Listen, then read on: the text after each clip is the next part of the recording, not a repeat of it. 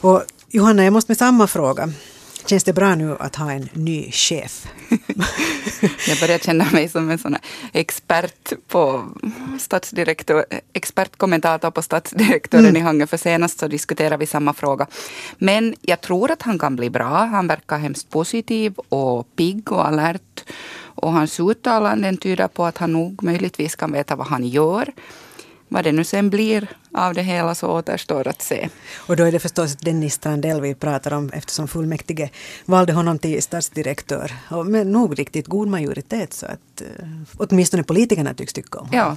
Ja, och han har ju på det sättet är han ju en ganska intressant person att han har um, erfarenhet från finansvärlden så han vet mm. ju liksom var pengarna rör sig och vilka investeringar som, som bär sig, kunde man tänka. Och sen har han ju också varit med i fullmäktige i Kyrkslätt. Mm. Så att uh, på det sättet vet han ju vad han har att tas med ja. när han ska samarbeta med politikerna. Så man kan bara hoppas att det går bra. Mm, mm. För det, det undrar man han ja. av, av fullaste hjärta. Ja. Det behövs. Det skulle nog vara dags att det skulle bli lite ny vind i seglen. Ja. Men har du hört någonting sådär folk i, på stan så att säga, att vad de tycker? Inte egentligen. Nej. Jag har bara jobbat nu. Så. Som företagare får man göra det, ja. ja. Så jag har inte haft tid att fördjupa mig i frågan på det sättet. Men mm, då tror jag att inte har jag hört något negativt i alla fall. Nej. Men det finns ju möjligheter. Du har byggt det här projektet ja. alltihopa. Så det, det finns liksom ja.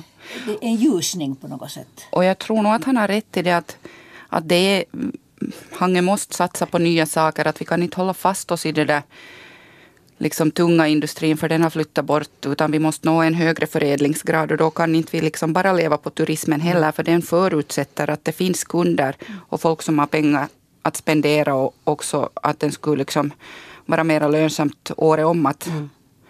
att erbjuda service i Hangö för att det är ju jättestora kast mellan sommaren och vintern. Det är, mm. Det är ett faktum, ja. ja. Och Hangö också skulle må bra av, tror jag. Inte fel på donar eller så här, men att det skulle bli lite mer mixad befolkning. Att vi har ganska så här mm. svart och vit. Ja. Och, och, det kan vara svårt för sådana som har högskoleutbildning att komma till Hangö och hitta jobb som där båda då inom familjen kan få jobb. Om man... Men Hangö har utvecklats enormt mycket tycker jag under de mm. senaste åren. För jag, ja. Varje gång jag kommer dit så blir jag lika överraskad. Det har hänt en massa saker och det, det, det ser Vad menar du? No, där, det har byggts saker och det, det, det ser fräscht ut när man kommer som, som utsocknes mm. mm. dit. Att, nu finns det ju resurser och sen hela naturen också. Ja. Men vad kan man göra med Coverhard? Tror du att Strandell kan få någonting nytt dit, vad nu sen den är, det än är? No, om det skulle bli någonting kring det här nu låter jag som en dinosaurie. jag kan inte alls de här termerna, men kring IT, sådana saker. Det var väl tal om någon kabel som ja, skulle... Ja, precis. Ja, kabeln, ja. ja. Sen eh, hamnen, om man mm. där kan hitta någon liten nisch mm. som inte konkurrerar med, med hamnverksamheten i stamstaden. Och, och sen så ligger ju hamnen på ett fantastiskt naturområde. Mm. Visserligen har Cover gjort sitt bästa att förstöra det men, men det finns mycket kvar. Ja. Att där borde ju kunna finnas potential. Men alltså det... jag älskar ju Lappvik så att det, det, det, det, är klart att jag, jag hoppas att det går bra och där, mm. där borde finnas också lockbeten. Mm. Mm. För, också för turism. Ja. Och sen finns ju Lappvik där att om man får jobb där så vill bo naturskönt så då är det ju bara att mm. liva upp Lappvik igen. Ja. Ja. No, du, så Hangö-Strandell tänkte jag säga, men kanske han ska ju flytta dit i alla fall så han blir ju Hangestrandell snart. Dennis Strandell som alltså är ny stadsdirektör så, så det där, har ju också tänkt sig att han ska liksom komma ut och få tag på Hangeborna och kunna prata med dem och få idéer och, och sånt här sa han då när vi intervjuade honom den där morgonen efter att han var vald. Tror du att folk eh, överhuvudtaget är intresserade av att prata om med en stadsdirektör och och föra fram sina åsikter. Att, är det sånt som man gör? Det beror på hur stadsdirektören förhåller sig. Om han mm. vill lyssna, om han, han verkar, verkar liksom mottaglig. Mm. Så man är inte. Nu tror jag det. Nu har vi haft stadsdirektörer som har varit jättesynliga i stadsbilden och som folk har upplevt som positivt. Mm. Att hellre det än att de sitter inlåsta på sitt tjänsterum och aldrig syns till.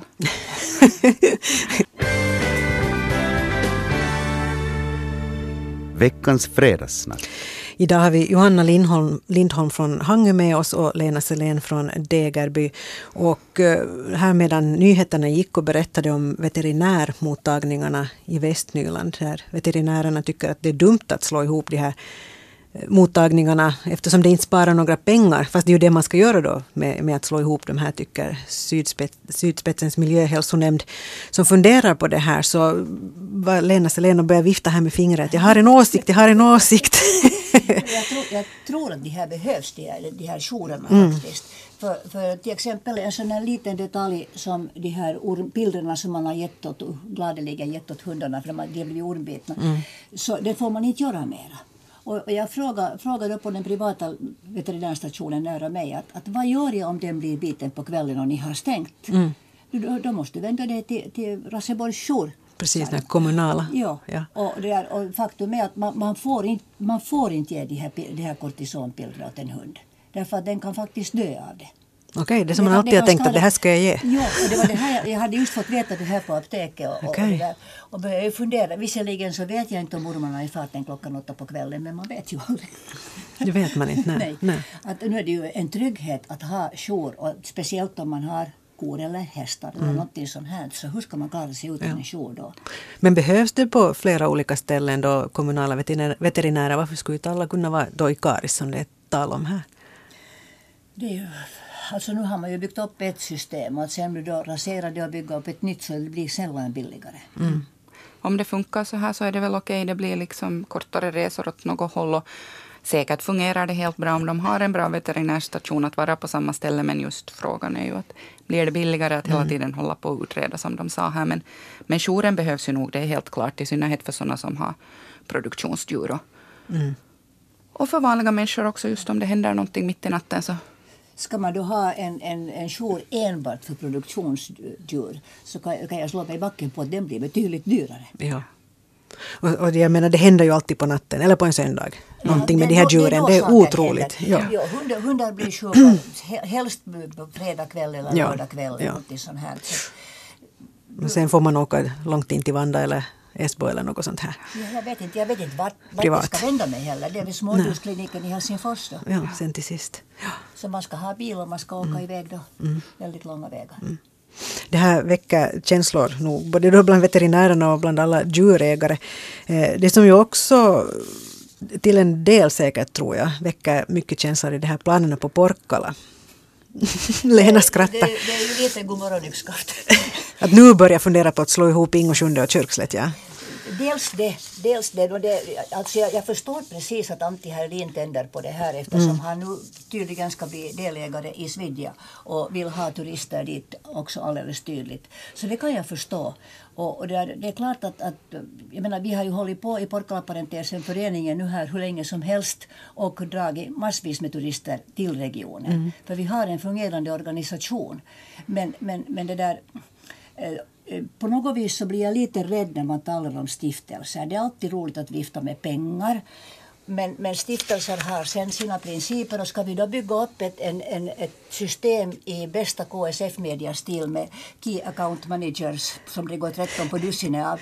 Så vad får vi sen? Får vi då en verkligt fungerande kommun? Och det som du pratar om här är alltså det som man berättar att, att Porkala stad ska få ett extra ekonomiskt understöd med att komma igång då, alltså de här tre affärsmännen Heikki Renpää, Antti Herlin och Kai Gustav Berg så kommer i höst att grunda en ny stiftelse för det här ändamålet hållet.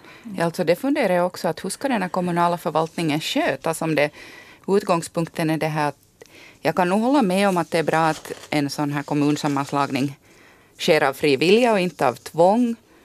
Men mm. det finns nog hemskt många frågetecken kring det där hur var, saker ska skötas i vardagen och vem och, och just att blir det... Man talar hemskt vackert om det här med att identiteten ska bevaras. Mm. Det, det, vet jag ju av erfarenhet att identiteten kan bevaras. För den, har vi bevarat i Degerby också fast vi inte har en egen kommun längre. Men, men hur ska man liksom bevara, bevara den här eh, självstyrelsen då om man inte har något som helst överblick eller beslutande rätt när det gäller hälsovården, sjukvården. Och eh, jag, jag, jag vet inte riktigt hur de har tänkt det. Men... Här, här i, i vår text på webben så står det att kommunerna inom sina gränser skulle sköta närservicen om det nu sen då betyder hälsovård då eller så här men att till exempel skatter tunga organisationen skulle kunna vara gemensam för de här tre? Vården exkluderar. No, den är, ja, ja. Det, det, det, är det som gör mig lite betänksam. Att hur, hur har man riktigt tänkt det? Mm. Men, men att eh, bara, bara liksom skjuta till pengar och sen tro att då löser sig allting. Men det är alltid någon som ska bestämma hur de där pengarna fördelas. Och vem är det som gör det? Mm. För fonder är jättebra på att rita upp nya regler och nya, nya bestämmelser och det här är understödsvärt och det här är inte det.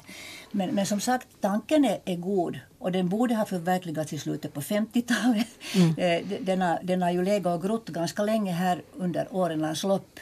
Och det kan ju hända att egentligen så är det ett uppvärmt Asuntosäätiö som planerar fem små satellitstäder mellan Helsingfors och Störsvik. Men det blev inget av det heller? Nej, i finlandssvenskhetens heliga namn så slog man ner det.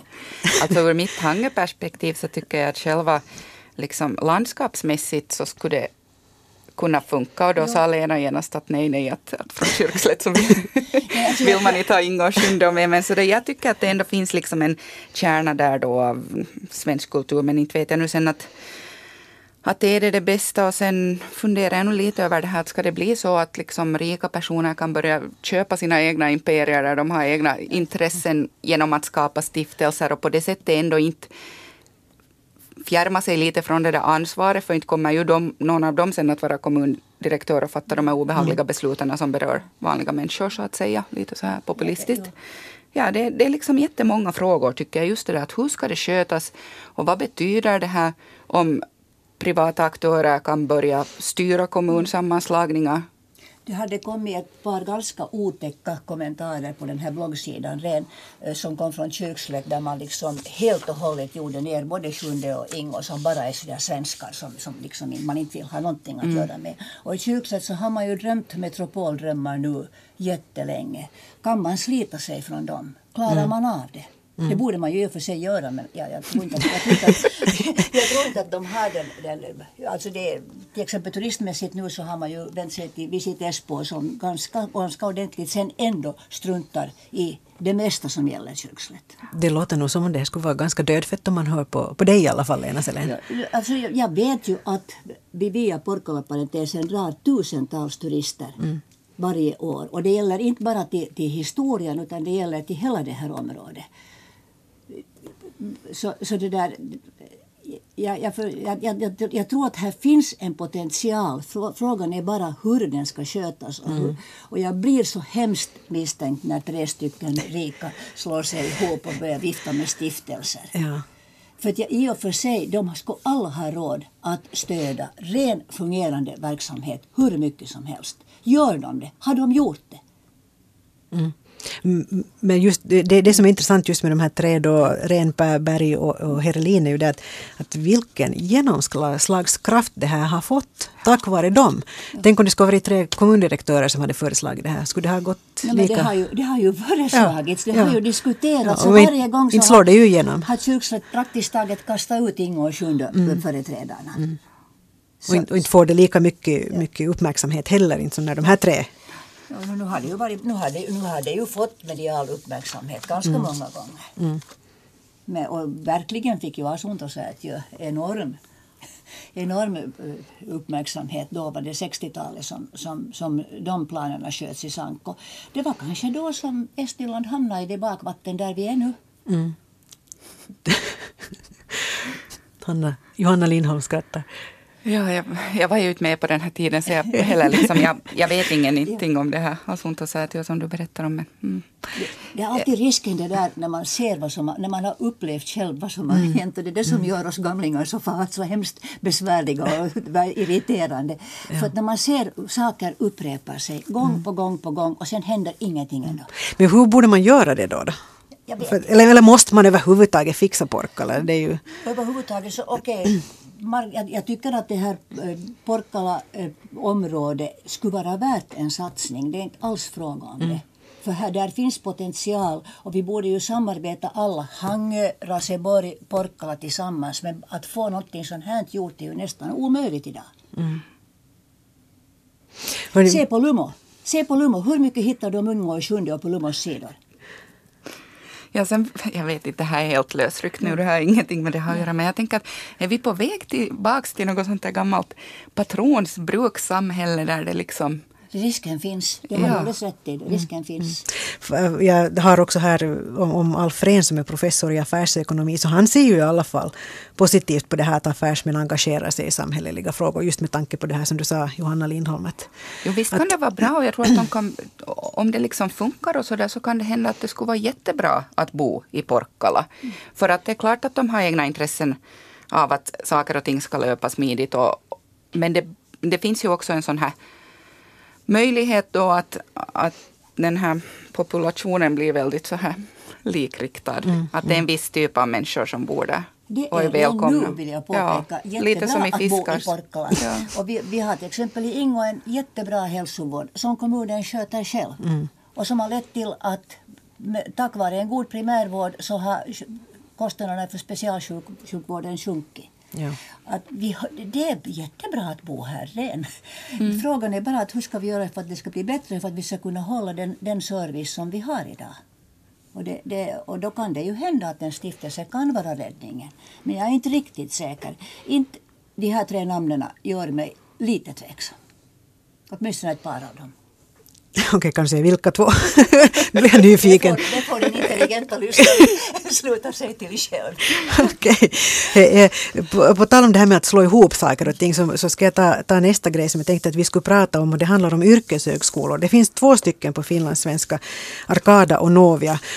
Och de här senaste dagarna hade ju handlat om Novia då eftersom man då det där säger upp, eller slutar med, med fyra stycken utbildningar. Landskapsplanering, trädgårdsnäring och miljöplanerare och dessutom då informationsbehandling. Och det handlar om att man ska spara 20 miljoner euro. Det är inte så där bara att, att hosta fram sådana pengar. Inte. Och, och, och det här tycker då flera Novia-anställda att, att det är helt panikartat att först borde man ha gjort en fusion med Arkada, sen sett att vilka utbildningar ska vi ha.